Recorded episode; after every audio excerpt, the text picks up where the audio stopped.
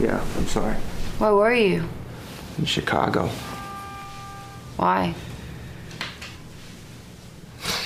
Nah, nothing. Poppy will let you play tomorrow. Pick up a couple bucks. No, he won't. I was there less than a month ago. He will, I asked him. Well, thank you. It was uh, very nice of you, but um, I'm out. I'm done. I'm going back to the Merchant Marine. Well, that's it? This could be good for you tomorrow. Playing the gaslight for the 400th time for the fucking basket. Actually, you'd have to split the basket. There's another act. But the Times is gonna be there. Oh, the times. I'm sorry. I'm sorry. Thanks for the thought. But, uh, it's not going anywhere. And I'm tired. You're tired. I'm so fucking tired. I thought I just needed a night's sleep, but it's. It's more than that. But thank you for trying. I love you. Come on. أصدقاء البودكاست العزيزين مرحبا فيكم بالحلقة الثالثة عشر من بودكاست خارج السياق آه مقدمكم عاصم آه وحيدا للأسف آه يغيب اليوم عبد العزيز. وطبعا نعتذر عن غياب ال أكثر من شهر ممكن وصلنا الحين أربعين يوم. ظروف كانت قاهرة صراحة وأثارها إلى الآن موجودة وهذا هو سبب غياب عبد العزيز. ولكن آه، قال لي آه، استكمل آه، وإن شاء الله الحلقات الجاية راجلنا طبعا هذه الحلقة هي الجزء الثاني من آه، حلقتين اللي هي الخاصة بالعقد الأخير.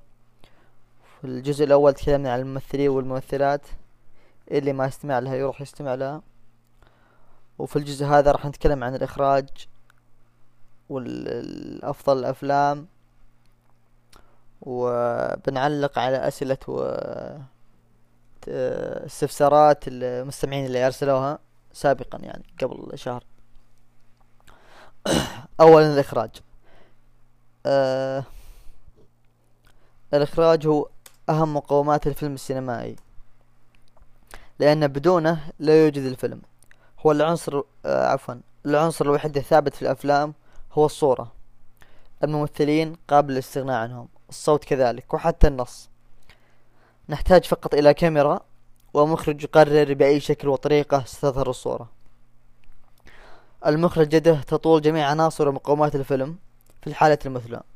وبالحالة المثلى أقصد عندما لا تفرض عليه تقييدات وشروط من استديو أو ممول. إلى آخره. المخرج والمنتج هما من يديران الفيلم.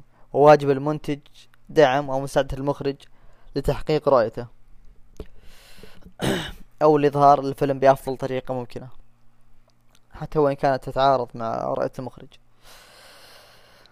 طبعا بعض الأفلام يكون إخراجها سلسا بشكل يصعب علينا تحديد بصمة المخرج فيه. وهذا لأن البصمة في كل مكان بلا أن تكون في وجه المشاهد. مثلا ديفيد فينشر آه، بفيلم The Social Network هذا الفيلم جميع مقوماته متفوقة وممتازة. من نص سوركن والتصوير السينمائي والتحرير المتقن وأظنه ممكن هو أفضل عناصر الفيلم.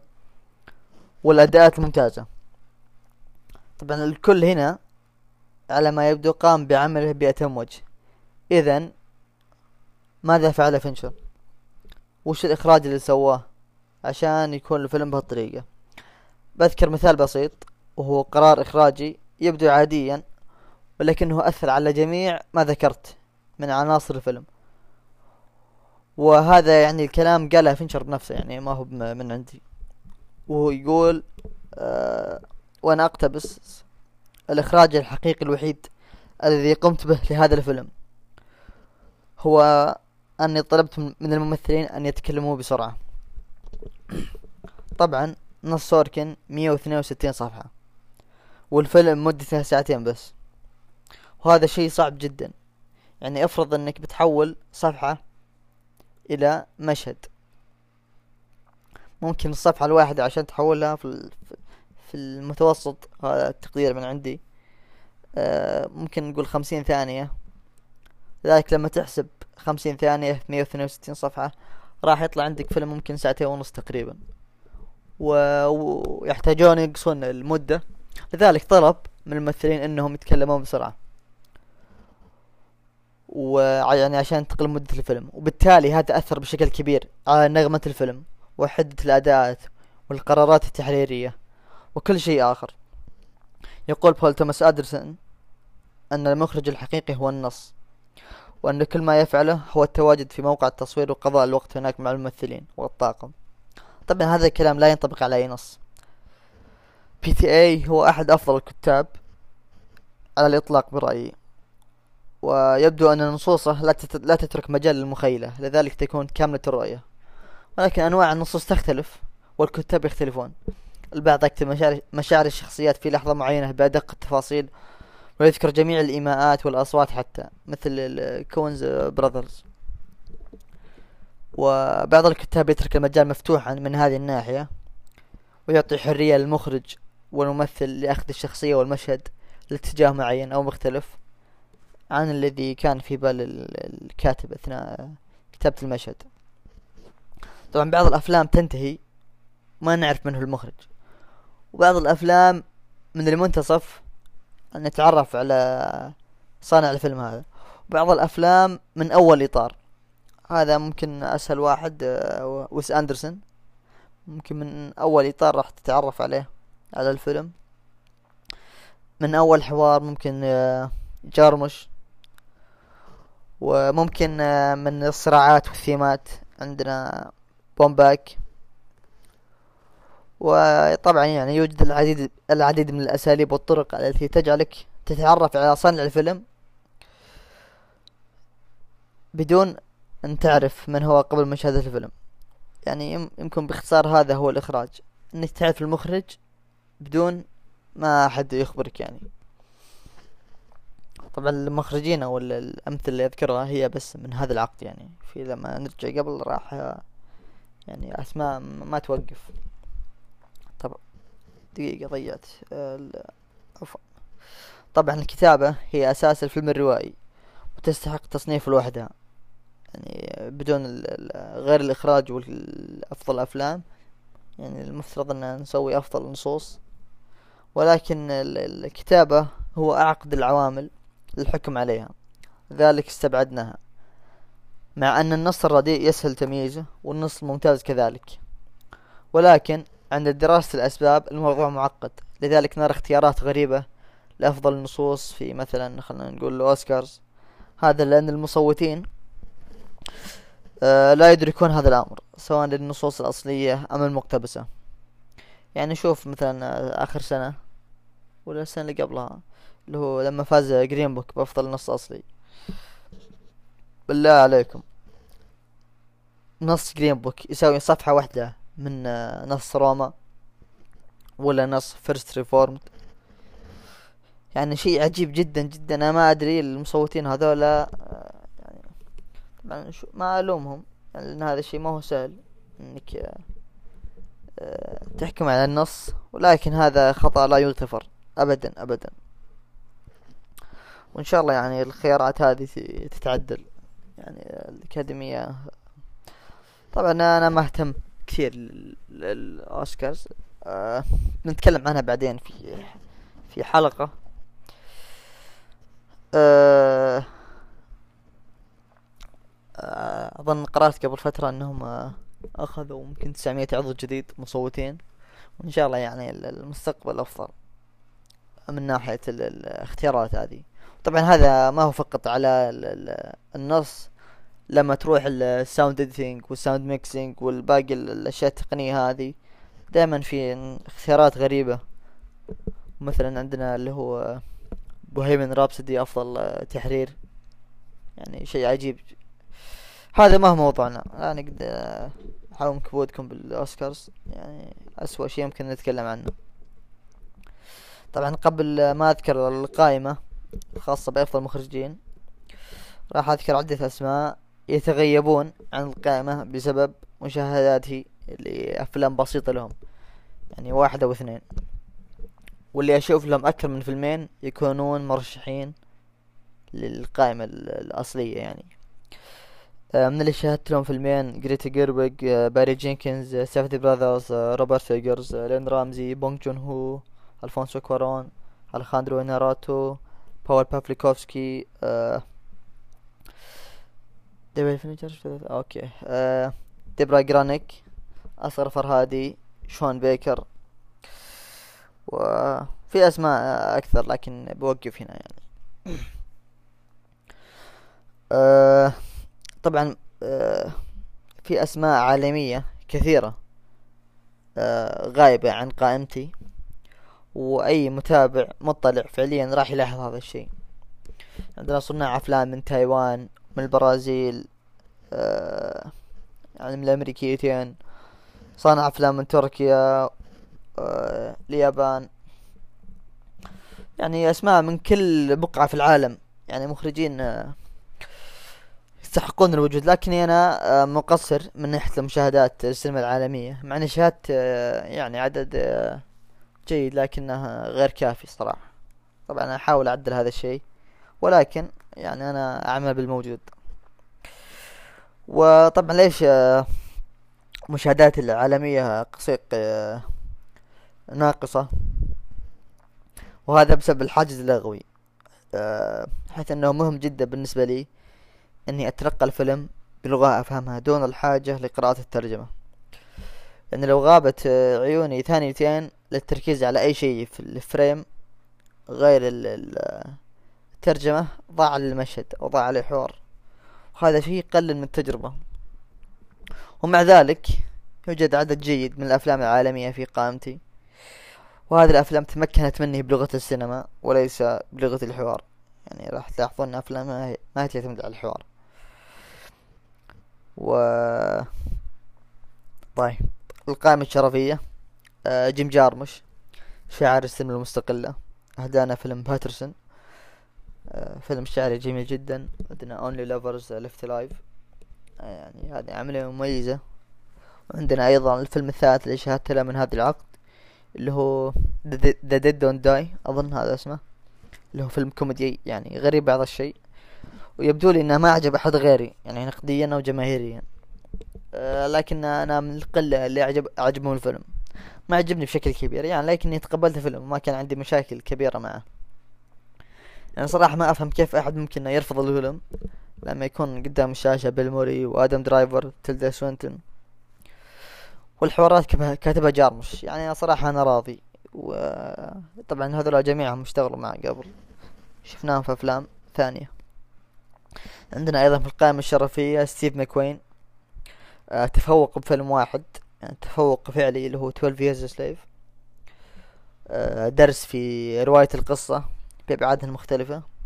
عنده أيضا فيلمين جيدة اللي هو Shame و Widows وهذين الفيلمين ما أخذوا حقهم الكامل مني يعني مشاهدة واحدة ليست كافية ال- الفيلمين هذه. وأيضا في فيلم اللي هو Hunger آه ما شاهدته اللي هو فيه مايكل فاسبندر أظن. عندنا أيضا في القائمة الشرفية ويس أندرسون. يعني ما أعتقد إني أحتاج أتحدث عنه اللي اللي كل يعرفه. وأفضل أفلامه من هذا العقد اللي هو Grand Budapest Hotel عندنا الماستر سكورسيزي. بعدة أفلام روائية لهذا العقد. يعني عدد طيب. ما شاهدت منها سوى Silence Wolf of Wall Street و The Irishman ولو ما سوى Silence كان ترك ذكر الماستر لهذا العقد يعني أفلام الباقية ما ما سوت الكثير إلا Silence يعني فيلم رائع جدا ومهم من أفضل أفلامه يعني بشكل عام. وأيضا سوى أفلام وثائقية أظن في فيلم عن بوب ديلن وفيلم آخر عن آه، نسيت والله. آه، أتوقع بعد عن الموسيقى على ما أظن. يعني مشاركاته مهمة. سواء على الصعيد الروائي أو الوثائقي. عندنا ورنر هيرتزوغ أحد أفضل صناع الأفلام على الإطلاق بإتقان للأفلام الروائية والوثائقية لهذا العقد. وأذكر هنا لعدد من وثائقياته وأهمها 400 دقيقة لسلسلة. لسلسلة وثائقية آه، قسمت لحلقات اللي هو اسمها رو وهي عبارة عن مقابلات مع مساجين تحت حكم الإعدام. نستكشف فيها جوانب من الحالة الإنسانية التي معظمنا غير قادر على الوصول إليها. آه، كوننا أحرار كوننا لم نقتل أحد وغيرها من هذه الأمور. كتبت عنه مراجعة طويلة جدا يعني أطول مراجعة كتبتها هي عن هذا الفيلم على جزئين اللي يتابعني على Letterboxd آه، ممكن آه، يطلع عليها. عندنا آخر من في القائمة الشرفية ديفيد لينش. آه، قبل قبل ما أنتقل للقائمة النهائية طبعا أنا كاتب ال- الحلقة سابقا وكان موجود اللي هو ديفيد فينشر آه مع ال- الأسماء اللي ذكرتهم بالبداية. لكني أكملت أفلامه يعني شفت له Gone Girl شفت The Social Network. ولكن لو أني شايف اللي هو فيلم اللي مع نسيت والله اللي هو The Girl the Dragon Tattoo أظن. إني شايفه اظن راح يوصل القائمة الشرفية لكني ما شاهدت للأسف. الآن القائمة النهائية. طبعا في العادة أو في ال- الطبيعي أني أذكر آه، آه، مخرج من عندي بعدين مخرج من عبد العزيز اختياراته حتى لو إنه ما هو موجود. ولكن آه، ما أعطاني قائمته إلا الأفلام فقط. يعني راح أتكلم لحالي بس أنا. رقم خ... عفوا. رقم خمسة. ديفيد لاوري آه، مخرج جديد آه، ومن الأهم لهذا العقد. آه، بأربع أفلام شاهدتها كلها ما عدا واحد اللي هو Pete's Dragon والذي يبدو أنه فيلم عائلي نوعا ما في الغالب وهذا هو سبب عدم مش- مشاهدتي له. في 2013 مع روني مارا وكيسي أفلك فيلم درامي بقصة حب وطابع western فيلم ممتاز جدا اللي هو Bodies Saints. آه، عجبني ك- كثيرا. و وأيضا آه، 2017 قدم لنا Ghost Story أفضل أفلامه. 2018 اللي هو الفيلم الأخير لروبرت ريدفورد. دراما جميلة جدا. آه، بنوت آه، بنوت آه، بنوك كبير بالسن ولكنه يسرقها بلباقة. آه، في الغالب ست- ستجد نفسك مبتسما طوال مشا- مشاهدة الفيلم. وربما بعض الدموع نحو النهاية. إذا كنت عاطفي مثلي في المرتبة الخامسة أيضا يعني بالتعادل أو يعني ما هو تعادل بالضرورة لكن آه يعني راح أذكر عدة أسماء بنفس المرتبة. بول توماس أندرسون. بي تي اي بي تي اي يحلق وحيدا بلغته السينمائية. ولو صنع فيلما واحدا أكثر لأصبح الأهم لهذا العقد. وفي الغالب إنه أفضل مخرج في القائمة ولكن عندما نقيده بعقد واحد هذا ما نحصل عليه. آه بول آه ماستر في فن الكتابة. أفلامه لا تملك شيئا بارزا بالضرورة يدل على ال- الكاتب أو الصانع ولكنه بشكل ما خلق لغته الخاصة التي لا أحد غيره يستطيع أن يشاركها أو يتحدثها. وعند مشاهدة بعض أفلامه أو بعد مشاهدة العدد منها أظن في الغالب إنك ستصبح قادرا على التعرف على هذه اللغة. بدون أن تدرك. لأن أفلامه في الغالب أو على ما أظن تكون في التفاصيل الصغيرة. في المرتبة الخامسة أخيرا يورغوس لانثموس المخرج اليوناني الفريد من نوعه قدم أربعة أفلام شاهدتها كلها ما عدا ألبس اللي هو أول أفلام العقد أسلوب لانثموس فريد من نوعه أو على الأقل حاليا. ما في أحد يشبه أسلوبه. وما أعرف إذا كان يشابه مخرجين سبقوه في الماضي ولكن أعتقد أننا نحتاج مصطلح مأخوذ من اسمه ليختصر العديد من الكلمات. مثل ما لما نقول مثلا لينشي راح توصل فكرة. أفلام لانثموس لهذا العقد يبدو أنها مختلفة بشكل كبير آه عن الأفلام التي صنعها في العقد الماضي. نوعا ما. ذلك حديثي عنه. هو ك... يعني كمخرج هو في سياق أفلام الحديثة فقط لأني ما شاهدت أفلام اللي قبل. ذا فيفرت وهو أقل أفلام الأنثيموسية إن صح القول. وهذا بسبب أنه الفيلم الوحيد الذي لم يكتب نصه بنفسه.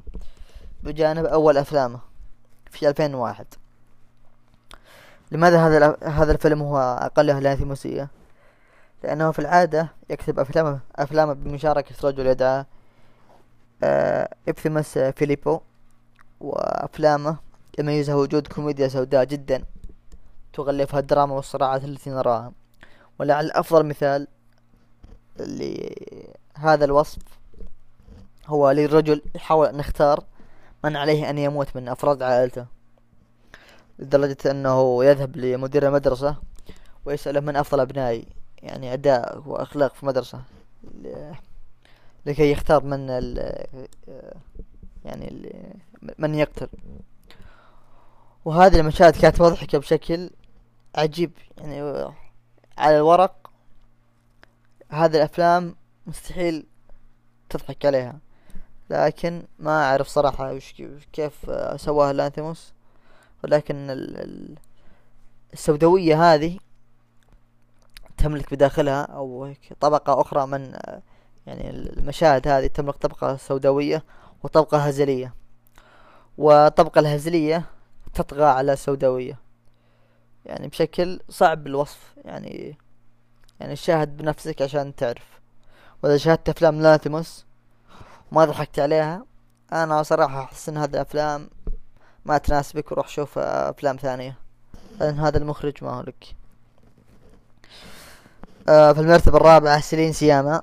مخرجة فرنسية قدمت آه، تحفتين هذا العقد بجانب فيلم جيد أقل منهما وهو Tomboy لعل أكثر ما يميز سيلين سياما هو إدارتها للممثلات لأن تقريبا جميع شخصياتها نساء جميع أفلامها. أصالة وعفوية في الأداءات من الصعب أن تجدها بمكان آخر. كما لو أنها تذهب تذهب لاحتضان الم- الممثلات في فيما بين المشاهد. في توم بوي رأيت أحد أفضل الأداءات على الإطلاق من طفل. وأحتاج أن أذكر نفسي أثناء المشاهدة أن الذي أمامي طفلة تمثل وليست آه، الشخصية التي تؤديها. ولكن هذا الشيء صعب التصديق. عندنا أيضا فيلم جارل هود اللي هو على مراهقات في فرنسا. يحاولون إيجاد مكان في العالم. وأفضل جزء بالفيلم كان مشهد أربع دقائق للفتيات. صديقات. وهن يرق- يرقصن على أغنية آه، واحدة من أغاني ريانا آه، بدون أي قطعة في ال- المشهد. يعني كان سحر سحر صعب وصفه. يعني مو بأي أحد يقدر يسوي مشهد بأغنية مثل هذه. يعني مجرد أغنية. ورقص. ولكنه كان أفضل مشاهد الفيلم. يعني شيء ما أعرف كيف أوصفه بطريقة أفضل من كذا. وبعدها Portrait of Lady on Fire أحدث الأفلام. آه والذي كان عن امرأتين بالغتين. بعد فيلم عن عدة مراهقات يسبقه فيلم عن طفلتين. هذا أفضل أفلامه وأكثره توسعا بالمواضيع وأعلاها إتقانا. ومن أجمل مو من أفضل أتكلم عن الجمال. من أجمل الأفلام على الإطلاق. كل فريم ينبعث مشاعر وألوان وتفاصيل. بالمرتبة الثالثة ديمين شيزل تحدثت عنها قبل حلقتين. الحلقة رقم تسعة على ما أظن. خصصت عنها حلقة. اللي بيسمع عن ديمين شيزل, ديمين شيزل يروح يسمع الحلقة. طبعا هذا اسم متوقع. لحب الناس الكبير ل Whiplash و La La Land ولكن First Man آه لم يحصل على مثل. لم يتلقى إقبالا مشابها من الناس. بعكس النقاد الذي أخذ حقه معهم. كما حدث مع بقية أفلامه. وأنا أعتقد أن First Man ربما يكون أفضل أفلامه والزمن سيخبرني الحقيقة. طيب رقم اثنين آه الذي يعتقد أنه بيكون رقم واحد عند معظم الناس. لكثرة أفلامه وثبات التفوق فيها. نعم أتكلم عن ديني فيلنوف Sicario Prisoners Incendies وأفضل أفلام اللي هو Blade Runner 2049 وأيضا عنده فيلم آخر اللي هو انمي اللي ما شاهدته واللي يعتبر أضعف أفلامه آه لكن ما أتوقع إنه- ما أتوقع إنه راح يضيف لي كثير على علاقتي مع ديني نشاته ما اهتميت له الصراحة آه طبعا أفلام فيلينوف مختلفة كثيرا عن بعضها في المواضيع وفي الأفكار. وهذا يعود لعدم كونه آه، كاتب. يعني الأفلام اللي ذكرتها ما كتب ولا واحد منها ما عدا إنسنديس اللي هو شارك في كتابته. يعني الأفلام هذه على اختلافها يعني شيء صعب جدا إن يكون واحد يكتب هذه الأفلام كلها. ولكن إن شخص واحد يخرجها كلها هذا شيء يقبل المنطق. ومع ذلك إن هذا الشخص الواحد يتقن جميع هذه الأفلام هذا شيء ليس بالسهل ابدا. أفضل أفلامه Blade Runner خطوة شجاعة منه إنه يأخذ حمل إعادة آه، فيلم كلاسيكي في genre ال science fiction. يعني فيلم بقيمة Blade Runner ممكن أهم فيلم اللي هو ألفين واحد. بعدين أظن Blade Runner رقم اثنين كأهمية. وفشله في إعادة إحياء آه، هذا العالم. ستكون على يعني راح يكره على هذا الشيء. يعني يحمل إرث عظيم بين يديه إرث Blade Runner هل يعني هل سيعيد تكرار القصة وهذا العالم؟ هل سيسأل نفس الأسئلة؟ يعني شيء حمل ثقيل جدا. يعني ما في أحد كان يحتاج sequel الفيلم الفيلم الأول انختم يعني انتهى بشكل ممتاز أو على الأقل ال final cut. ويعني ما في أحد محتاج فيلم آخر. ولكن الناتج كان فيلم مستقل بنفسه. فيلم عملاق. لا ينكر الجزء السابق ولكنه لا يعتمد عليه. يكرمه ويحترمه. وهذا بسبب عودة هامتون فانشر اللي هو أحد كتاب الجزء الأول وعودة ريدلي سكوت. مخرج الجزء الأول. عودته كمنتج لدعم والإشراف على عمل بلينوف. ويبدو أنه كان موقن أنه سيعمل الفيلم هذا بالطريقة الصحيحة. وأن لم تتوفر له العوامل المساعدة التي حصل عليها أظن أنه كان ترك العالم والفيلم هذا بحالة يعني. ما كان راح يقرب منه إلا إذا كان يعرف أن الدعم راح يكون موجود. وأثناء مشاهدتي للوثائقي الخاص بالفيلم وجدت مقابلة لهاريسون فورد يقول أنه بعد ما تم التواصل معه بشأن الفيلم اقترح عليه مباشرة التواصل مع راين جوزلينج لدور البطولة. بعدين ردوا عليه إنهم تواصلوا معه حتى قبل ما يكلمون اللي هو هاريسون فورد. وهذا يدل على رؤية واضحة يعني من أول مراحل الفيلم وال lead عندهم جاهز. اللي هو راين جوزلينج وكان طبعا أفضل خيار. ما في أحد كان ممكن يسوي الدور أفضل منه برأيي. الآن رقم واحد. آه مخرج العقد برأيي اللي هو صانع الأفلام الإنساني ريتشارد لينكليتر. بتحفتين Boyhood والجزء الأخير من ثلاثية Before اللي هو Before Midnight وعدة أفلام أخرى جيدة. آه، جيدة جدا. منها everybody wants some. اللي هو عن مجموعة الشباب في في أول سنة من الجامعة في الثمانينات. وهذا الفيلم لا يروي قصة بل يروي زمانا وشعورا وفكرة. وأيضا قدم فيلم اللي هو مع جاك بلاك اللي هو عن اللي يشتغل في دار جنائز. قدم فيلم اللي هو مع براين كرانستون وستيف كاريل. ونسيت والله اللي هو فيلم عن ال veterans. سوى عدة أفلام يعني يمكن ستة أفلام أو خمسة عندنا لكن اللي أنا أعتبره أفضل مخرج بسببها اللي هو Boyhood و Before Midnight و everybody wants some. الآن أفضل أفلام. آه طبعا لم أكن آه لم أكن أملك مقدمة للأفلام مع أنها هي الموضوع الفعلي.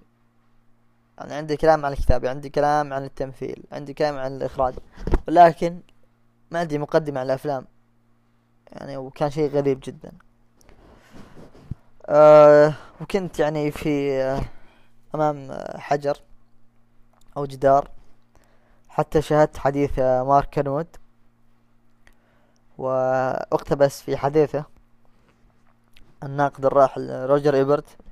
في وصف في وصفه الأفلام بأنها آلية لإنتاج العاطفة. وأتبع مارك هذا الوصف الجميل بقوله أن الأفلام تقوم على توليد شيئين وهما استجابة فكرية واستجابة حسية. الأفلام ذات الاستجابة الحسية هي التي تدفعك للضحك والخوف والبكاء وهكذا. والنوع الثاني هو الذي يجعلك تفكر وتقول هم طبعا أنا أقول كذا لأن سواها مارك الصوت هذا. وأفضل الأفلام التي تجمع بين هاتين الاستجابتين. وعلق مارك على أن الأفلام التي تستحضر اجابة حسية أو استجابة حسية تعامل كما لو أنها أقل قيمة من الأفلام اللي من النوع الآخر. وهذا مجحف في حقنا لأن الإنسان كائن حسي اولا. ومعظم الناس يتجهون لأفلام ذات الاستجابة الحسية عوضا عن أفلام ذات الاستجابة الفكرية ولأنها في أفلام مارفل مثال. لأنها يعني تجعلك تتعاطف مع الشخصيات تتعاطف تضحك في كثير من المواقف. يعني كلها أمور تعتمد على الاستجابة الحسية. وعندنا أيضا الأفلام العظيمة ذات الاستجابة الفكرية القوية مثل Space Odyssey 2001 وربما هذا الفيلم لا ينتج استجابة حسية واضحة لذلك نجد كثير من الناس الغير متعمقين بفن السينما ينفرهم هذا الفيلم. وهذا شيء يعني غير مستغرب. وأعتقد أن هذا الفيلم يملك استجابة حسية ولكن ليس من السهل الوصول إليها. اولا من المهم أنك تملك فهم لفن, لفن السينما لحد ما. لأنه من غير المعقول أنك تعرض هذا الفيلم على مشاهد جديد تتوقع منه أنه يعجب الفيلم. ثانيا يجب عليك كمشاهد تسليم نفسك وإنزال تحسيناتك الفكرية والحسية والمنطقية قدر الإمكان حيث تستطيع الشعور بالفيلم حتى لو لم تكن قادرا على فهمه. لتوضيح هذا الشيء بشكل أبسط فلنستدل بالمسرح. خلفية المسرح في العادة تكون مرسومة بشكل بسيط وبدون تفاصيل لأنها مجرد خلفية مجرد أداة. مثلا لما تكون الخلفية زرقاء ومرسوم عليها أمواج أو خطوط وبالأسفل لون أبيض آه، أو أصفر يدل على أنه هذا شاطئ. طبعا هو لما تشاهد هذه الخلفية هذا شيء لا يشبه شاطئ على الإطلاق ولكنه يحمل فكرة الشاطئ. ورائد المسرح يجب عليه أنه يصدق أن هذا شاطئ فعلا وأن هذا الممثل هو الشخصية وهي عالقة أو واقفة وسط هذا الشاطئ. يجب على المشاهد أنه يتنازل أمام, أمام الفن. يجب عليه أن يسقط دفاعاته. وهذا الشيء يكون معقدا أكثر مع الأفلام بحيث يجب علينا أن نصدق حتى لو كان ما نراه صعب الفهم حتى لو كان الممثل غير مقنع. يجب أننا نحاول أن لا نجعله يخرجنا من طور الفيلم. ومن أفضل الأمثلة التي تجمع بين الاستجابتين هو فيلم The Killing of a Sacred Deer ليورغوس لانثيموس قصة معقدة تحمل كثير من الأعباء من الأبعاد والاستدلالات بالمسرحيات الإغريقية وأفكار من, من, من الميثولوجيا وغيرها ويسقطها على الحاضر. وأيضا الفيلم يعني بالرغم من هذه المواضيع الصعبة والمعقدة والتي تعتمد على استجابة فكرية أيضا الفيلم مضحك للغاية. مضحك بشكل ما تو... ما توقعته. والفيلم مخيف أيضا ومحزن. بالنهاية أعتقد أنه فعلا الأفلام آلية لتوليد العاطفة. حتى الأفلام ذات الاستجابة الفكرية وظيفتها أنها تولد العاطفة إذ أن الأفلام الحسية مثلا تريك مشهد لشخص يموت وبالتالي تشعر بالحزن. ولكن أفلام ذات الاستجابة الفكرية تولد فيك نفس العاطفة ولكنها بشكل أكثر تعقيد وبالتالي أكثر عمقا. أعتقد أن الناس يشاهدون الأفلام للوصول للعاطفة سواء كانوا يشاهدون أفلام ذات استجابة حسية أم أفلام ذات استجابة فكرية. ضاع الحديث ولعل فكرة ما وصلت. آه آه الآن بخصوص القائمة التي بالطبع تغيب عنها العديد من الأفلام العالمية. ولكن للأسف آه ما شاهدتها. الأفلام اللي ممكن ضروري وجودها لكن ما شاهدتها. اللي يعني أتكلم عن أفلام عالمية لكن من ناحية هوليوود أظني غطيت ال- ال- أهم الأفلام. آه، طبعا أفضل أفلام في هوليوود قادرة على مجابهة الأفلام العالمية لكن لما ننظر بشكل عام أو من بعيد يعني الأفلام العالمية بطبيعتها art house لأن ما عندهم صناعة كبيرة مثل صناعة هوليوود. لما تكون عندك صناعة بهذا الحجم تغلب يغلب عليها الطابع التجاري ولا يعني تكون business أكثر من أفلام. ولكن السينما العالمية ما هي صناعة ما هي مربحة بقدر أفلام هوليوود. لذلك تعتمد على الجانب الفني أكثر. لذلك هي أفضل أفلام. إذا كنت تبحث عن أفضل أفلام من ناحية القيمة الفنية بعد عن هوليوود واتجه لجميع أقطاب العالم. وقبل البدء بالقائمة سأستبعد عدة أفلام شاهدتها وهي مؤهلة مؤهلة لدخول القائمة ولكني غير قادر على تذكرها. كفاية لأحكم عليها. آه، منها Mad Max آه، Fury Road آه، Her عندنا Gravity عندنا Birdman وأيضا سأستبعد أفلامي المفضلة لأني لا أستطيع أن أعملها مثل بقية الأفلام آه، لكي أحكم عليها بشكل عادل يعني أو أو منطقي. أنا أحاول أبعد ال- الجانب العاطفي قدر الإمكان. مع أن هذا شيء مستحيل لكن آه، أحاول على الأقل. لذلك استبعدت Blade Runner و La La Land وشاهدت كلاهما خمس مرات على الأقل ولكن لا زلت غير قادر على الحكم بحيادية. مع أنه بخصوص الفن لا يوجد حيادية الكل موضوعي ولكن بدرجات. آه، طبعا الأختيارات غير محكمة بسبب وجود أفلام لم أشاهدها سوى مرة واحدة. وهذا عادة غير كافي لوضع الأفلام تحت تصنيف معين. آه، يوجد أفلام متقنة لا تدخل القائمة مع أنها تستحق هذا الشيء. وهذا بسبب أهمية الأفلام التي اخترتها عاطفيا. آه، أولا من هذه الأفلام المتقنة التي لا تدخل التي لا تدخل القائمة فيلم Cold War لبول بافليكوفسكي. من أجمل الأفلام التي التي تت- تتناول الحب جميل بصريا وسرديا وسمعيا وحسيا. تحفة. يعني تحفة.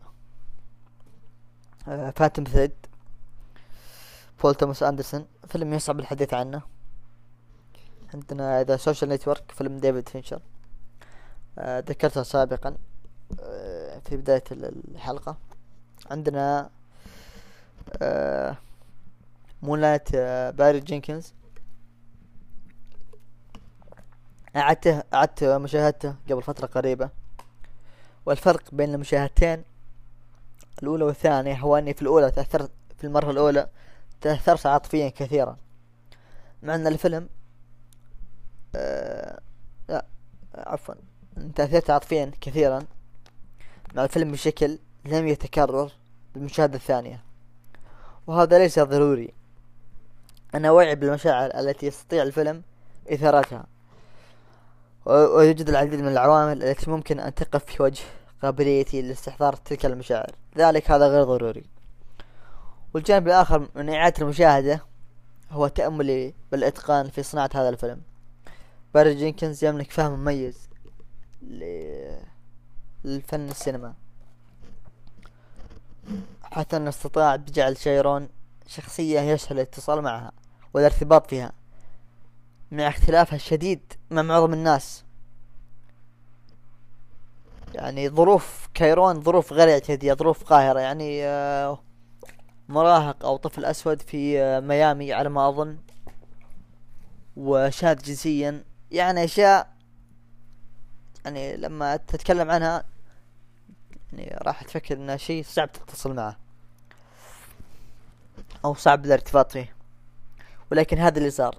آه، بارز جينكنز جعل شايرون سهل الاتصال معه والارتباط فيه مع اختلافه الشديد. وهذا هو وهذا بسبب الطريقة التي صور فيها شيرون والجوانب التي أظهرها وكيف أظهرها طبعا لو سأل- سألتك إذا كنت مشاهد Moonlight ماذا تعرف عن شايرون في الغالب أنك لا تملك إجابة لأننا لا نعرف ماذا يحب شايرون وماذا يكره وما هي هواياته. الفيلم مركز على قطعة واحدة من شايرون قطعة منك كإنسان يعني. وهذه القطعة موجودة فينا جميعا. وهي القطعة اللي متعلقة بتعاملنا مع, مع الأحداث الصعبة التي تحدث في حياتنا. وكيف تؤثر على شخصنا وكيف نتذكرها وكيف تعود علينا في المستقبل. آه هذا فيلم يلخص أو يلخص باستخدام الفيلم لصوت المحيط. في الفصل الأول والثاني وتكرار هذا الصوت في الفصل الثالث بدون أن نرى المحيط. الصوت هذا يعيدنا لذاك اليوم مع إخوان وأيضا عدنا لتلك الليلة مع كيفن. باستخدام الصوت يعني عبر عن الماضي وهذا في آخر لحظات الفيلم. آه فيلم جميل جدا. آه وراح أشوفه للمرة الثالثة يعني في وقت لاحق. آه الان القائمة الرئيسية. هل سيسامحنا الرب؟ هل سيسامحنا على ما فعلنا بخلقه؟ رقم عشرة. First Reformed هذين السؤالين الذي قلتها قبل قليل. هذه الأسئلة يطرحها مايكل على القسيس تولر. ومن ثم أخذ تولر هذا هذه الأسئلة ووجهها لبقية العالم. First Reformed مدرسة في صناعة الأفلام وكتابة النصوص. فيلم هذا كهذا لا يمكن أن يكون الأول أو الثاني لصانعه. هذا ناتج خبرة طويلة ودراسة لفن كما يقول إيثن هوك عن بول شريدر. أظن أن الفيلم صورنا آه، كبشر في هذا الزمان كمايكل رجل بالغ ولكنه أشبه بطفل خائف يملك كم كبير من المعلومات ولا يعرف كيف يتعامل معها. وهذا الكم الكثير أثقل كاهله ولم يتحمل الوجود. وبالتالي أخذ تولر هذا الغضب منه ومن ثم أعطانا إياه كمشاهدين. آه رقم عشرة أيضا آه عندي آه You Were Never Really Here 2017 فيلم بريطاني من إخراج لين رامزي وبطولة آه خواكين فينيكس في أفضل أدواره. بجانب ممكن The Master طبعا هذا الفيلم أعطاني تجربة غير مسبوقة وتركني بحجر على صدري بعد انتهائي منه. ووجدت التنفس صعبا بعد الانتهاء ودخلت بموجة من الكآبة الشديدة بعده. لم أشعر هكذا بعد فيلم أبدا وعدت مشاهدته مرتين بعدها. فيلم آه، قوي جدا. رقم تسعة. A Ghost Story 2018 فيلم أمريكي من إخراج ديفيد لاوري آه هذا الفيلم هذا الفيلم من الممكن أن لا ينجح معك أو تتقبله من أول مرة مثل ما حصل معي. ولكن المشاهدة الثانية كانت تجربة تطهيرية أشبه بغسيل للروح. ومن أهم الأدوات التي ساعدت على تحقيق هذا التأثير هي الموسيقى التي طاردتني لوقت طويل بعد انتهاء الفيلم. رقم ثمانية. بيت 2019 آه فيلم بريطاني من إخراج مارك جينكن. هذا فيلم غاضب يصور الكثير من الأشياء في أقل من تسعين دقيقة. وأهم فكرة يتناولها هذا الفيلم هي صراع الحاضر ضد الماضي. مع أن قصته مخصصة جدا وهي عن صيادين الأسماك في كورنوال وهي مقاطعة في بريطانيا. وأهل هذه المنطقة يعتبرون أقلية ويعرفون بلهجتهم وأساليبهم؟ وصيد الأسماك شائع هناك. قصة الفيلم عن مارثن صياد أسماك من كورنوال وهو في صراع مع السياح الذين استحلوا المدينة. و عاثوا فسادا بعاداتها. وهو أيضا في صراع مع أخيه الذي استسلم للتغيير. وسار مع التيار حيث أنه يستخدم قارب أبيهم آه، لإعطاء جولات للسياح بدلا عن صيد الأسماك كما كما كانوا يفعلون في السابق. مارثن رجل عنيد ذو مبادئ. رجل عائق بالماضي ويرافقه شبح أبوه الميت. هذا الفيلم يركز على شخصية أخرى تتقاطع طرقها مع صراع مارتن ومعظمهم من المراهقين. استخدم هذا الفيلم جميع الأدوات الممكنة للتعبير عن صراع الماضي ضد الحاضر. وأبرزها تص- تصوير الفيلم. آه الذي يبدو كما لو أنه صنع قبل تسعين سنة. آه باستخدام تقنيات قديمة جدا. يعني هذا الفيلم استخدم تقنيات الماضي لرواية قصة تدور في الحاضر. آه رقم سبعة. فيلم روما 2018 آه مكسيكي من إخراج ألفونسو كوارون. أحد أفضل الإنجازات السينمائية لهذا القرن وليس العقد فقط. سينما فريدة وجميلة جدا. جميلة جميلة جميلة. وتمكت من دموعي مرتين من المشاهدة الأولى. ولم أشاهدها المرة الثانية حتى الآن. وأنتظرها يعني بترقب آه رقم ستة. The Florida Project 2017 فيلم أمريكي. من إخراج شون بيكر وهو أبسط فيلم في القائمة وشخصياته معظمها أطفال. الفيلم هذا أولا عن الفقر كونه يركز على مجمع سكني فقير الذي يقع على الجهة المقابلة من ديزني لاند آه الفيلم يبدو سعيد سعيدا من الظاهر كوننا نرى العالم من منظور الأطفال. منظور بريء ومليء بالسعادة ولكن هذه السعادة ليست إلا غلاف. غلاف يغطي صعوبة الحياة ومآسيها.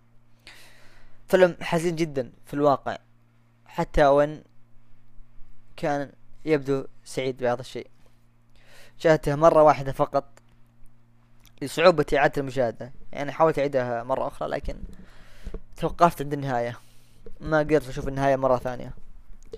يعني أكثر نهاية أبكتني آه، أثناء مشاهدة فيلم يعني على الإطلاق. آه رقم خمسة. Of a Lady on Fire 2019 آه فيلم فرنسي من إخراج سيلين سياما وهو أجمل أفلام القائمة.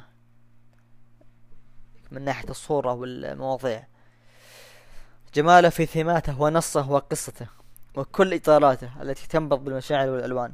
أداء لا ينسى من أديل إنيل آه رقم أربعة Manchester by the Sea 2016 فيلم أمريكي من إخراج كينيث لونرجن شاهدت هذا الفيلم أربع مرات على الأقل.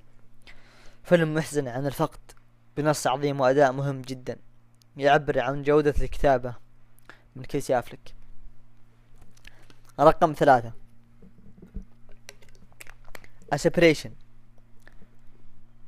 2011 آه فيلم إيراني من إخراج أصغر فرهادي. أظن الجميع يعرف هذا الفيلم. وهو فيلم عن الانفصال وعن العائلة. مثل Marriage Story ولكنه أكثر واقعية وأفضل بكثير. آه رقم اثنين. آه 12 Years a Slave 2013 آه فيلم أمريكي من إخراج ستيف ماكوين. إنجاز عظيم في رواية القصة وهو أفضل فيلم من هذا الجانب اللي هو الجانب الروائي.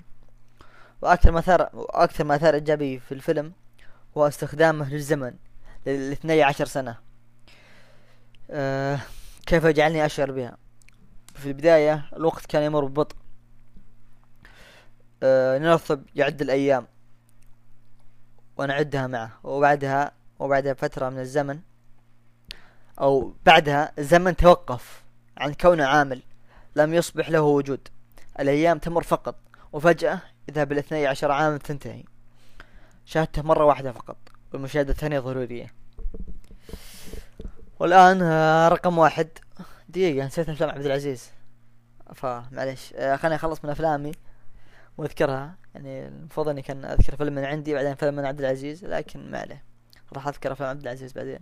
نسيت والله. ما فيني أرجع أسجل من جديد. حلقي تعب. طيب. الآن رقم واحد. عشان تحاول تخمن الفيلم هذا. بساعدك. فكر بأفضل فيلم شاهدته. واضربه بثلاثة عشر. ويظهر لك هذا الفيلم. بريطاني من إخراج بول كينج 2017 اللي هو بادينغتون 2 هذا الفيلم هو نتيجة نتيجة جمع ثلاث أفلام. اللي هو Mission Impossible Fallout آه Cool Hand Luke مع Grand Budapest Hotel فيلم عجيب جدا. إتقان رواية القصة وخلط ال genres يعني شيء عجيب جدا. آه أمزح. هذه نكتة كنت مخطط لها مع عبد العزيز ولكن للأسف ما هو موجود. يمكن النكتة تكون باردة شوي. لكن كان ضروري وجودها. الحين فعلا آه اللي هو الفيلم رقم واحد. هذا الفيلم هو الوحيد الذي أستطيع أن أتحدث عنه كأحد أفضل الأفلام على الإطلاق بدون أي تحفظات بجانب فيلم سيلين سياما. هذا الفيلم صنعوه بشغف جميع العاملين عليه لمدة تخطط تخطت عفوا العقود القانونية في آه، أمريكا والتي لا لا تمتد لأكثر من سبع سنوات على ما أظن. 12 12 عاما من التصوير المتقطع سنويا. الإخلاص في سبيل الفن والتفاني والإتقان كانت هي الدافع لصناعة Boyhood 2014 فيلم أمريكي من إخراج ريتشارد لينكليتر.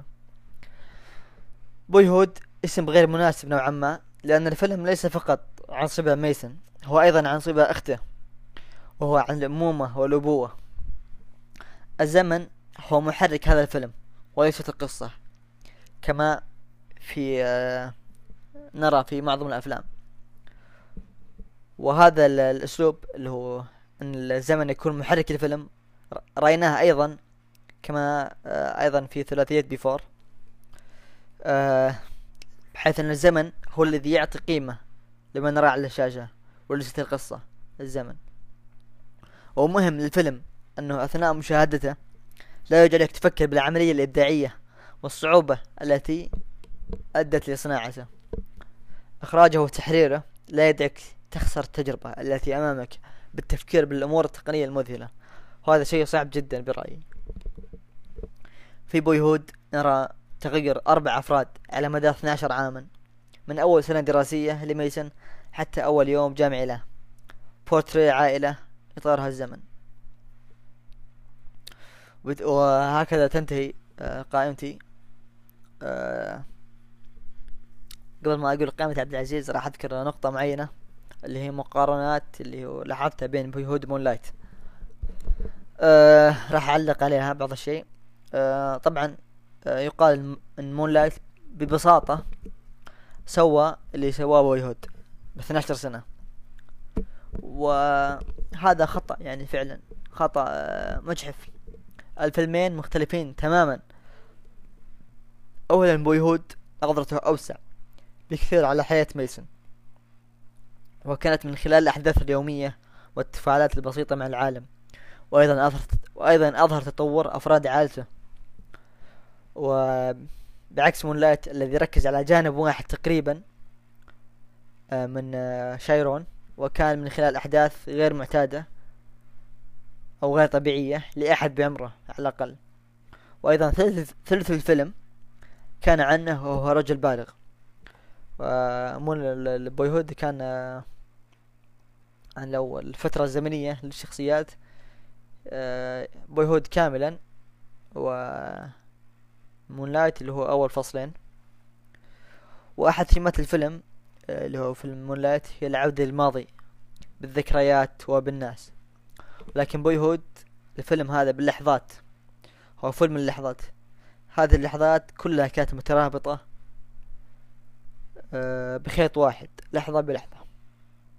قائمة عبد العزيز. ثواني بس معلش أه قسم عبد العزيز قائمته لجزئين. يعني خمسة أفلام أفضل خمسة أفلام بدون ترتيب. بعدين خمسة أفلام اللي هي أخرى.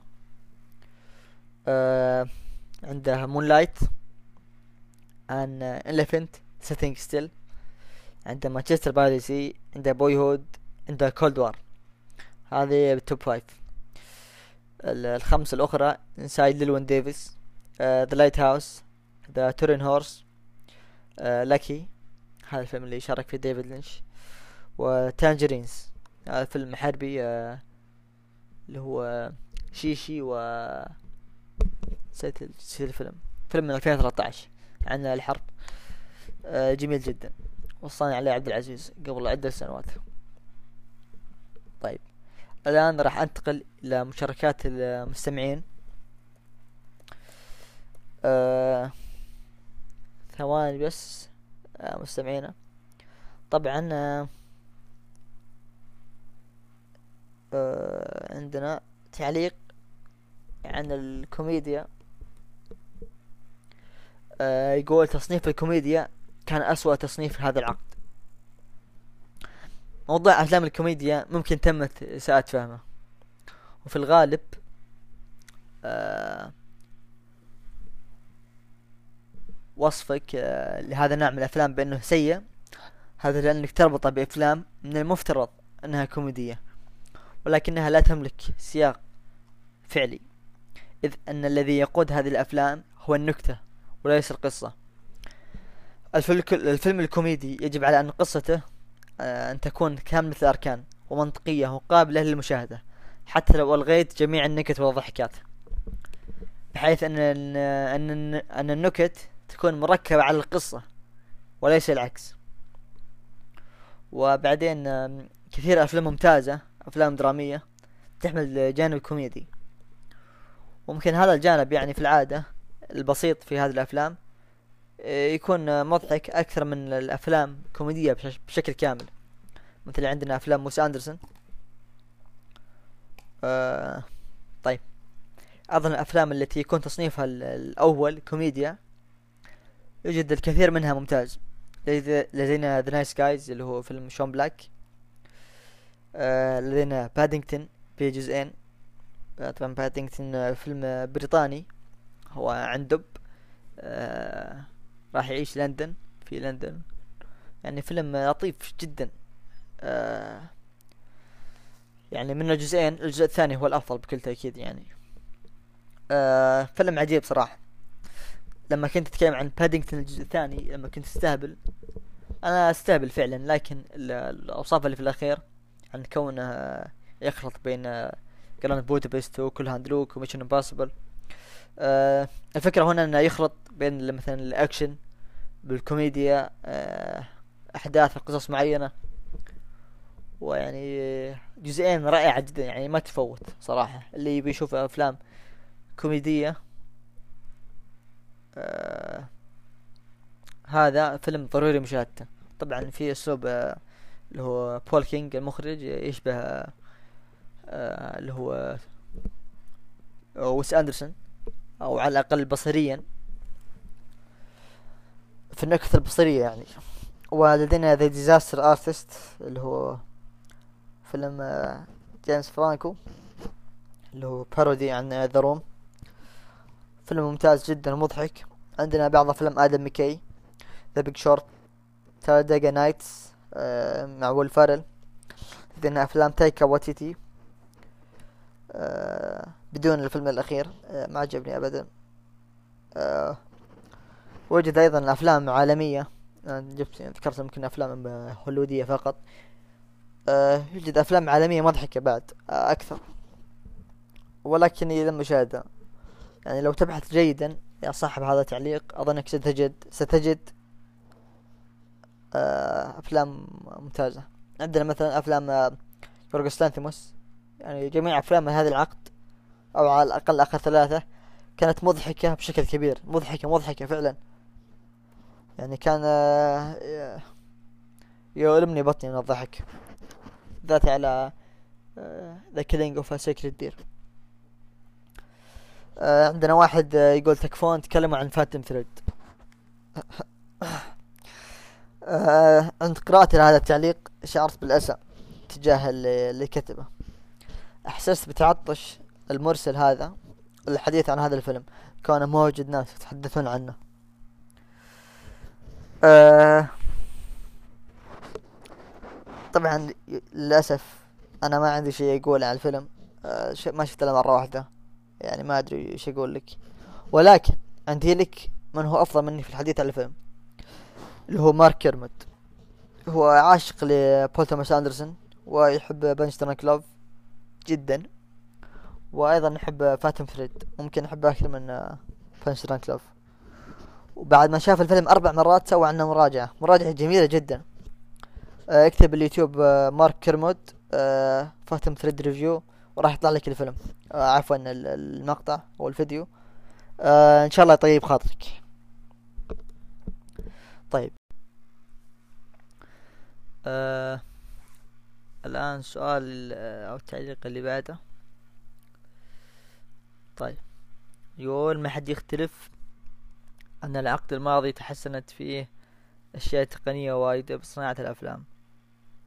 بعدين جت streaming services وتغيرت وايد أشياء عندنا الصراحة بسبب Netflix وأشياء كثير السينما صارت بالنسبة للناس عشان أطلع مع أحد أو أطلع من البيت مو عشان أنا أبي أروح أشوف آه، الفيلم. الناس جدا أثرت على العقد آه، بالأفلام.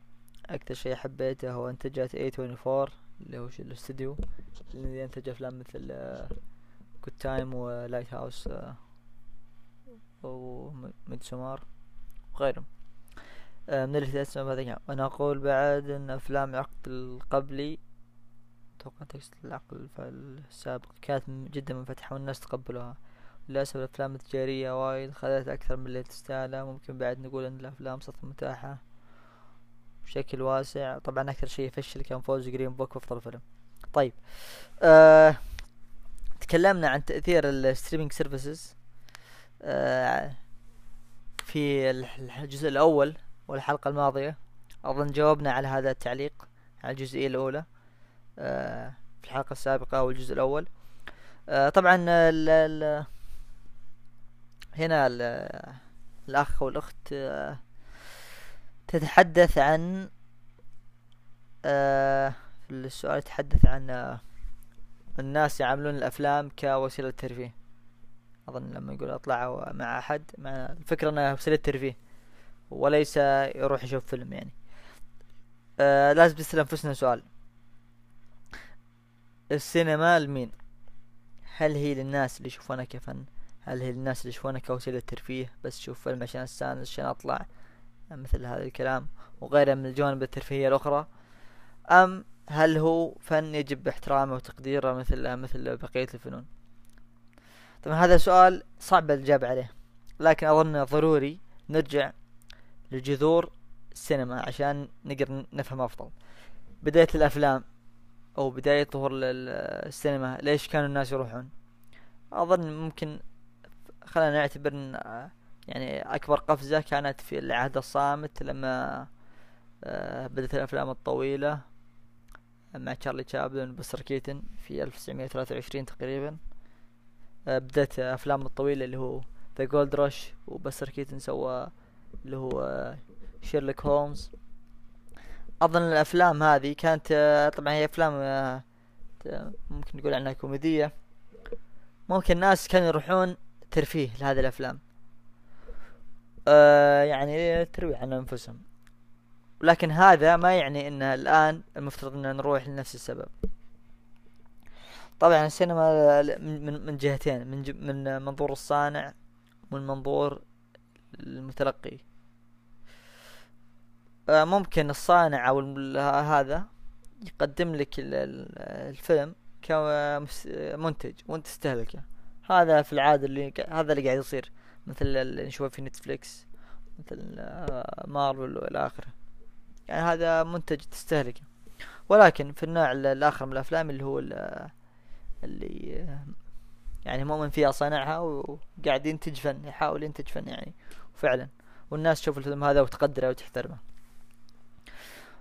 السينما ما هي للناس هذولا فقط أو لا للناس هذول فقط. يعني أظن ممكن الأفضل جواب على هذا السؤال هو أن السينما للجميع تشوفها باللي تشوفها يعني ما ما ما في حد يقدر يقول لك إنك على خطأ. أه أكثر شيء فشل كان فوز Green Book أه فعلا أتفق مية في المية. طيب. أه معليش. طيب. يقول يا ريت تجيبون طاري تحفة Phantom Thread. إيه صح. هذا اللي تكلمت عنه قبل شوي. طيب. يقول شو شو أكتر افلام مكتوب شو أكتر مو من عندي هذه. شو أكتر أفلام overrated underrated من العقد السابق؟ آه شوف أفلام ال overrated هذا سهل جدا. عندنا Star Is Born فيلم برادلي كوبر. هذا فيلم أعوذ بالله يا جماعة الخير. يعني شيء أنا ما أفهم. طبعا الأفلام اللي راح أذكرها الأخرى ما هي ناجحة نقديا. فقط جماهيريا وأتفهم كيف الناس يعجبون مثل هذه الأفلام ويحبون أفلام آه، سيئة. اذا صح القول. آه، لكن النقاد هذا حتى النقاد عج- عجبهم الفيلم يعني نقديا ناجح يعتبر. وهذا شيء عجزت أفهمه يعني. ابدا ما قدرت أفهم هذا الشيء. يعني الفيلم ما عجبني لدرجة إن الموسيقى الأغاني اللي بالفيلم آه، شالوا وغيرها وأنا ب... لما شفتها بسياق الفيلم مع الفيلم ما عجبتني ال- ال- الأغاني. لكن بعدين لما سمعتها مرة أخرى وفصلتها عن الفيلم عجبتني الأغاني. يعني أظن هذا جواب كافي. آه طيب. فيلم آخر آه، جوكر. هذا فيلم ممكن آه، أوضح جواب على هذا السؤال. آه طبعا هذا الفيلم آه، تم تضخيمه على جميع النواحي أو من جميع الأصعدة. ممكن ما عدا اللي هو الموسيقى الموسيقى الموسيقى كانت ممتازة. لكن الباقي يعني آه، صراحة أسلم عليه. آه، عندك نص ضعيف جدا نص آه، خربوطة. يعني اللي كاتبه اسمه هو تود فيليبس الله يستر عليه. يعني ما ارجع ال Hangover ارحم أمك. وفكنا من شغلك ال- السيء هذا. واكين فينيكس اداءه ما ما له قيمة. يعني شوف الناس اللي عجبهم الفيلم راح يحسون بقيمة أداء واكين فينيكس. لكن لما أنت تشوف الفيلم كما يعني لما تشوف الفيلم بنفس ما أشوفه أنا يعني تشوف تلاحظ ضعفه والضعف الفني يعني أداء واكين ما راح يكون له أي قيمة يعني لا شيء بسيط جدا. لذلك حتى أداءه يعني آه، من يعني لما أذكر خمس اداءات مثلا لو واكين في الع- في- في العقد آه، راح يكون يمكن رقم خمسة جوكر. يعني حتى ما هو من الأفضل ثلاثة له بكل تأكيد. آه طيب. عندنا فيلم overrated آخر The Greatest Showman هذا فيلم فقير فنيا فيلم مبتذل لأعلى درجة ممكنة. و- وهيو جاكمان يعني أحيانا يقدم ادوار جيدة ولكن سوء هنا يت- يتجلى. يعني ما يلام يعني صراحة هنا. يعني الكتابة سيئة جدا. وعندك أيضا مثله مثل قيمة ميشيل ويليامز موجودة بالفيلم مع ذلك تظهر بشكل سيء. ميشيل ويليامز تظهر بشكل سيء. يعني أظن هذا كفاية عشان تعرف كيف اي درجة هذا الفيلم آه سيء. طيب وش أنا شنو ناسي؟ آه، الموضوع هذا يعصبني. طيب آه أفلام underrated آه طيب. أفلام underrated اللي هو عندنا Thunder Road جيم كامينجز فيلم آه ممتاز جدا يعني عن آه كان آه فيلم قصير عن شرطي يرثي والدته في الكنيسة يعني في الجنازة حقتها قاعد يغني ويرقص. بعدين تحول هذا الفيلم إلى فيلم طويل يعني وكان فيلم ممتاز عجبني بشكل بشكل كبير. طيب فيلم underrated أيضا. خلينا نشوف. آه ممكن عندنا اللي هو First Man First Man underrated مرة من الناحيه الجماهيرية لكن نقاد يعني آه محترم هذا الفيلم. نقديا آه حصل على كفاية من الإشادات. Thunder Road أيضا يعني كان مو هو underrated فعلا ارجع Thunder Road لكن ما في كثير ناس يعرفونه. ممكن أخلط بين هذا الشيئين. طيب. فيلم underrated فيلم underrated هذا واحد. Leave No Trace هذا فيلم ديبرا جرانيك عن أب وابنته علاقة أب وابنته اللي منفصلين جدا عن العالم يعيشون في غابة في كاليفورنيا أظن. لا مو كاليفورنيا نسيت. المهم عايشين في غابة يركز على علاقتهم يعني الرابط اللي بينهم. يعني من أفضل الأفلام اللي صورت آه العلاقة هذه. جدا عجبني. فيلم underrated Girlhood سلين سياما ذكرته لما تكلمت عنها. آه Bait طبعا موجود بالقائمة عندي. آه أظن كفاية يعني. Good Time بكل تأكيد يعني underrated Good Time طيب نروح للسؤال اللي بعده. آه طيب يقول talk about how revolutionary Paddington Bear is. Also say it was the end of it لا حول ولا قوة إلا بالله. هذا آه رسالة فخ من أحد المستمعين. يعني المفروض يستي على وجهه. عيب. طيب التعليق اللي بعده. بخبرتي المتواضعة أشوف أن ليوناردو دي كابريو ممثل العقد حتى لو أنه ما هو ممثل مفضل. وممثلة العقد هي ناتلي بورتمان وكيت بلانشيت مخرج العقد ويس أندرسون. شوف يا حبيبي أنا ما يعجبني ليوناردو دي كابريو أبدا. والناس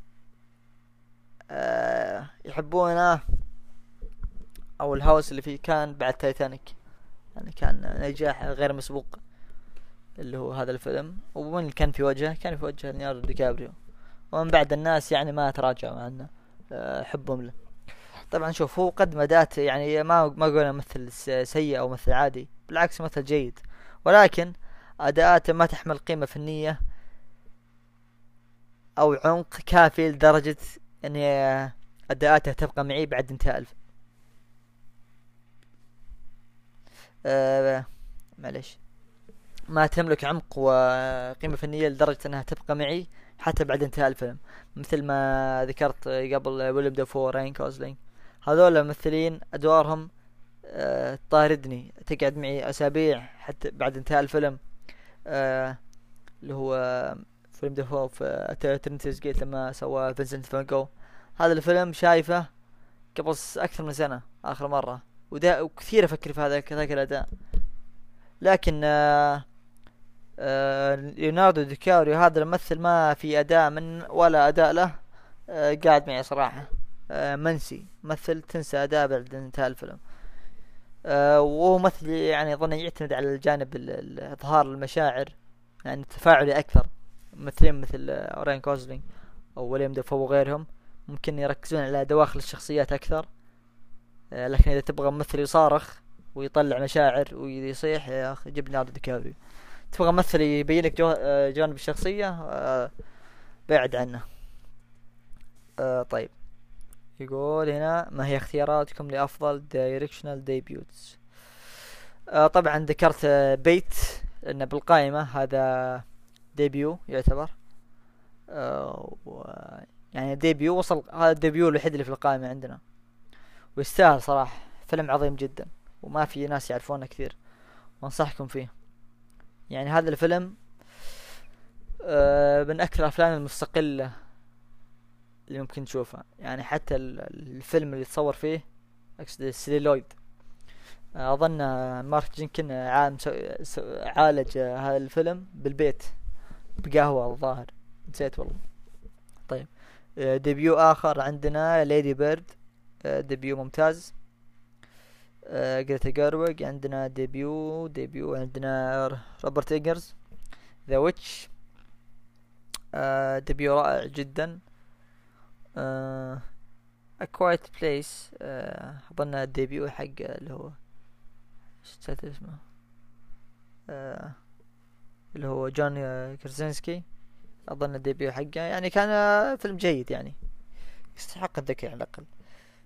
آه عندنا نسيت والله. آه هذا اللي يحضرني حاليا. طيب. آه Thunder Road underrated و directional debut بعد. طيب. آه السؤال اللي بعده يقول بخ... بخ... شفت هذا. اختياراتكم في directional debut شكرا عفوا. طيب يقول لا تنسون تجيبون طاري جائحة ال biopics. آه اللي ما راح تنتهي قريبا. وبسمع رأيكم عنها سلبيا وإيجابيا. شوف آه طبعا الأفلام هذه منتشرة في هوليوود فقط. يعني راح لو إنك آه تركز في مشاهداتك على السينما العالمية أكثر ما راح تتشكى من هذا الشيء. لكن لما تركز على هوليوود راح تشوف هذه الأفلام بكل مكان. وليش هي موجودة؟ لأن الناس أو الأمريكيين طبعا الأوسكارز الأمريكية آه، يحبون الأشياء اللي عنهم. أو مثلا شوف عندك مثلا فيلم Lincoln شوف عندك The Social Network شوف عندك آه، أفلام كثيرة جدا. يعني كل سنة عندك عدة أفلام biopics وكلها شوف آخر مرة عندنا آخر سنة Vice اللي هو فيلم آه، اللي هو حق كريستيان بيل. يعني ال- الفيلم كان عادي جدا ومع ذلك أخذ من الترشيحات. يعني نقديا ما كان ناجح لكن مع ذلك في الاوسكارز هناك في أمريكا رشحوا هذا الفيلم. فيلم biopic آه يعني في العادة إنها أفلام آه مملة يعني في العادة. ولكن يظهر منها أفلام مثل The Social Network يعني biopics آه ممتاز جدا. عندنا 12 Years a Slave الثاني في قائمتي أيضا يعتبر biopic واذا ما عجبك وضع ال biopics يا مستمعنا روح شوفه بالسينما العالمية أنصحك يعني. طيب من أفضل الممثلين عندي بعقد ال- ال 2010 2019 كريستين ستيوارت روبرت باتنسون كيت بلانشيت واكين فينيكس تيموثي شالامي آه روبرت باتنسون كيت بلانشيت كريستين ستيوارت آه واكين فينيكس كلام جميل يعني. كلهم ممثلين آه طراز الرفيع لكن تيموثي شالامي على درجة ثانية يعني. تو لسه صغير. يعني مستقبله باهر. يمكن آه تو يعني مستقبل قدامه يتطور. لكن يكون من الأفضل يعني شيء مستبعد بالنسبة لي. طيب. يقول معايير التقييم كانت ظالمة. ولازم ما تحسب مقياس الفيلم. لأن في أفلام كثيرة وأجنبية بعد ما تترشح جوائز معروفة. والله ما أدري إيش قاعد تقول يا صاحبي. آه ما أدري ما أدري إيش أقول لك. طيب اللي بعده ما فهمت أنا كلامك. آه برأيكم ما هي أفضل سنوات السينما من العقد الماضي؟ آه أقولها وأعتقد أن عبد العزيز يتفق معي آه وهي 2017 يعني عندنا كان موجود عندنا اللي هو Blade Runner 2049 كان عندنا Phantom Thread كان عندنا First Reformed كان عندنا The Florida Project كان عندنا Twin Peaks The Return ديفيد لينش و يعني أشياء كثيرة جدا. يعني The Killing of a Sacred Deer لانتيموس آه عدد كبير جدا يعني من الأفلام والجودة عالية آه بكل تأكيد بالنسبة لي 2017 طيب آه، يقول رأيك من أفضل فيلم يمثل هذا العقد؟ ليس أفضل فيلم فقط بل الفيلم اللي قصته وأحداثه كانت في هذا العقد. وتتجمع مشاكل في العالم خلال عشر سنين ماضية. أظن سؤالك ما هو أهم فيلم في العقد؟ يمكن سؤال مناسب. حاط لنا The Social Network Whiplash First Reformed and Get Out ما شفت Get Out لكن آه يعني حسب اعادة صياغتي لسؤالك آه Whiplash و Social Network لا ينتمون لهذه الفئة أو آه، لا يناسبون الجواب هذا السؤال. بعكس First Reformed اللي هو ممكن هو أهم فيلم في هذا العقد. أهمية. Get Out ما شاهدته جوردن بيل شفت ال sketches حقته في اليوتيوب آه، ممتازة. لكن ما بعد شاهدت أفلامه. باقي. آه عندنا أيضا فيلم Spotlight آه فيلم مهم جدا. وكتبت عنه review أظن في Letterboxd اللي مهتم. يروح يشوف. فيلم مهم جدا رائع. آه طيب. هنا يقول أفلام ال superheroes أصبحت ضخمة بدرجة خيالية. نظام الاستديوهات الحالي يشكل خطر على الفنانين والمخرجين المستقلين. تعتقدون في مستقبل الأفلام الميزانية القليلة انها تعرض بالسينما ولا راح نشوفهم بس في Netflix وأمازون وإلى آخره؟ طيب. آه في هنا مشكلة في حديثك أو في التصريح هذا اللي هو. هل راح نشوفهم بس في نتفليكس وأمازون؟ نتفليكس وأمازون يدخلون تحت نظام الاستديوهات. يعني في عندك خلل هنا في السؤال لكن وصلت الفكرة. طبعا شوف الأفلام اللي آه، أصبحت ضخمة مثل ما تقول واللي تشكل خطر هذا الخطر يعني ما راح يروح في أي وقت قريب يعني. آه ودائما يعني من أظن منذ الأزل أو منذ أن أصبحت الأفلام هذه التجارية المسيطرة والأفلام ال- الأرت هاوس إذا بنسميها أرت هاوس آه، تعرض فقط في المهرجانات وما إلى ذلك يعني الأفلام الميزانية القليلة. وما ما هي أفلام ربحية ما تطلع فلوس في العادة. آه، وهذا الشيء موجود من من أكثر من عشر سنوات على الأقل يعني. عشرين سنة على الأقل. وهذا الشيء راح يستمر يعني ما ما راح يتغير في أي زمن قريب يعني. ودائما الأفلام اللي راح اللي راح تجذب فلوس وراح تجذب نجاح الأفلام الضخمة. هي أفلام اللي تلعب على الجانب الحسي مثل أفلام مارفل. وهذا ال ال آه هذا النوع من الأفلام ما أظن راح ينتهي أي وقت قريب يعني. لأنه ناجح جدا مع الناس والناس يحبونه يعني. ما أشوفه يموت أو يحضر ابدا. ولو تلاحظ هو أصلا آه عبارة عن تكرار يعني شيء قاعد يتكرر. ومع ذلك الناس لا زالوا مهتمين بشكل كبير. يعني آه لا يعني الوضع هذا ما راح يتغير. طيب. آه يقول okay وصلنا للترتيبات. يقول Her Twelve Years a Slave La La Land Moonlight Black Swan Birdman Manchester by the Sea Carol مو مرتبة طبعا ولا يهم تترتب ومتأكد نسيت نص أفلام العقد المفضلة بس هذولا أهم. طيب. اختيارات جميلة جدا يعني كلها أفلام ممتازة. ممكن مع The Black Swan ما أتذكره زين والله لكن بقية الاختيارات جميلة. طيب. واحد يقول لا يوجد ترتيب. الأفلام هذه ما هي مرتبة. يقول Logan Seven One Flew Over the Cuckoo's Nest The Lighthouse Forrest Gump يا حبيبنا مضيع انت والله هذا آه هذا اسمه عبد الرحمن يا جماعة. هذا ولد مضيع. الله يستر عليك يا عبد الرحمن. ما بفاضحك. آه طيب اللي بعده يقول Phantom آه، دي لا هذا ذكرته. طيب.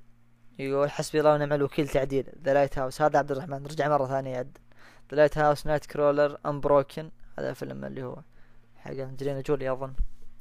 Django Gifted Uncut Gems Gone Girl Whiplash superhero movies Logan Thor Ragnarok X-Men First Class Dark Knight Rises Avengers Infinity War Endgame افضل ممثلين توم هانكس روبرت داوني جونيور هيو جاكمان ريان رينولدز براد بيت ادوار الإناث قليله تتصرف مع دول أنا قاعد أقتبس منه.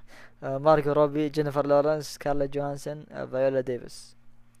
ما أعرف مخرجين كثار الصدق. The Russo Brothers كريستوفر نولان تايكا واتيتي سكورسيزي آه ديفيد فينشر طيب يعطيك العافية عبد الرحمن مشاركة جميلة. آه طيب اللي بعده.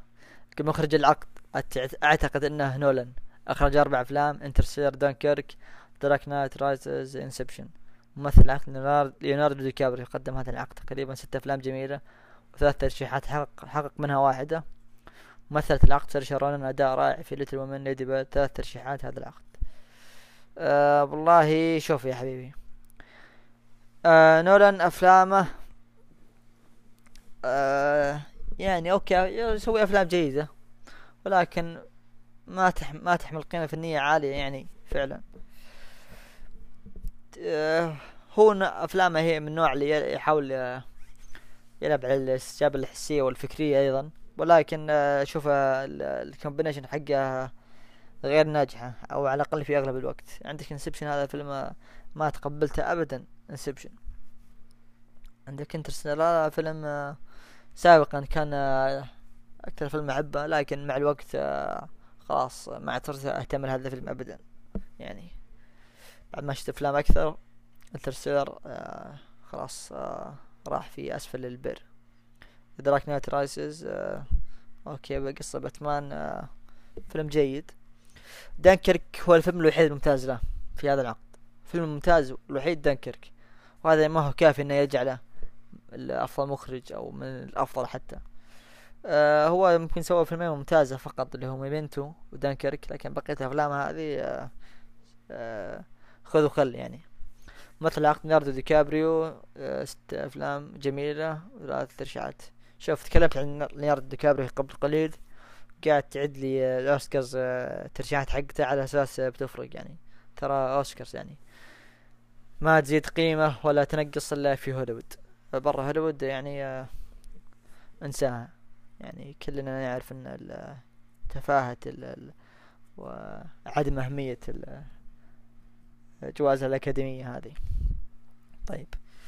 هذا يقول صعب لأن ما في قائمة مسبقة فكرت فيها بس بعطيك بعض الأسماء اللي مرتبط فيها بالمخرجين فقط.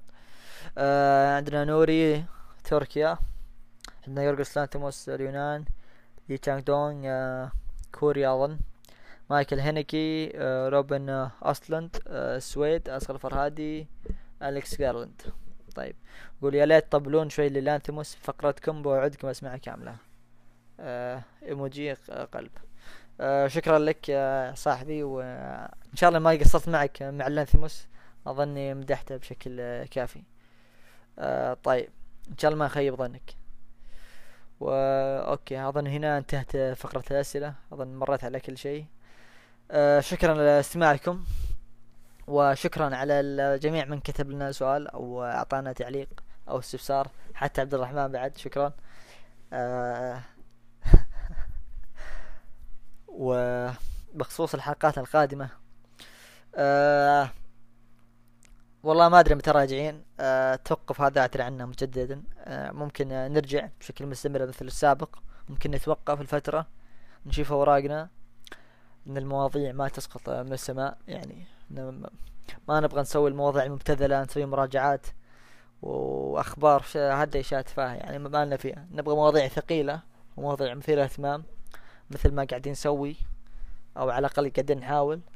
وإن شاء الله ناوي نجيب آه، الضيوف سواء نسوي معهم المقابلات اللي تكلمت عنها سابقا أو يكونون يقدمون حلقة أو ضيف يقدم حلقة لوحده يعني ممكن اثنين يمسكون البودكاست لحلقة أو حلقتين. يقدمون اللي عندهم ويعني نشوف نشوف أوراقنا ونخطط ونرجع لكم إن شاء الله وشكرا للاستماعات آه، حياكم الله مستمعينا وخليكم مع المشهد بالنهاية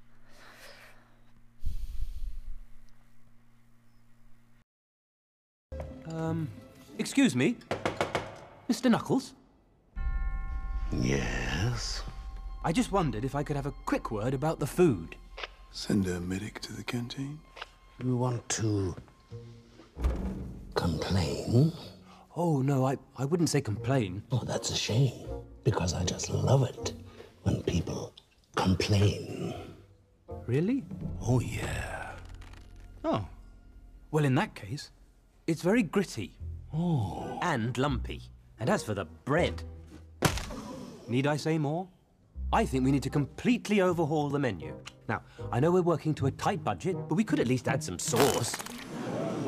Oh, sorry about that. I'll just, uh. Hmm. No, that's just rubbing it in. Don't worry. I know what gets ketchup stains out. Hang on. Was it mustard? Mm, no.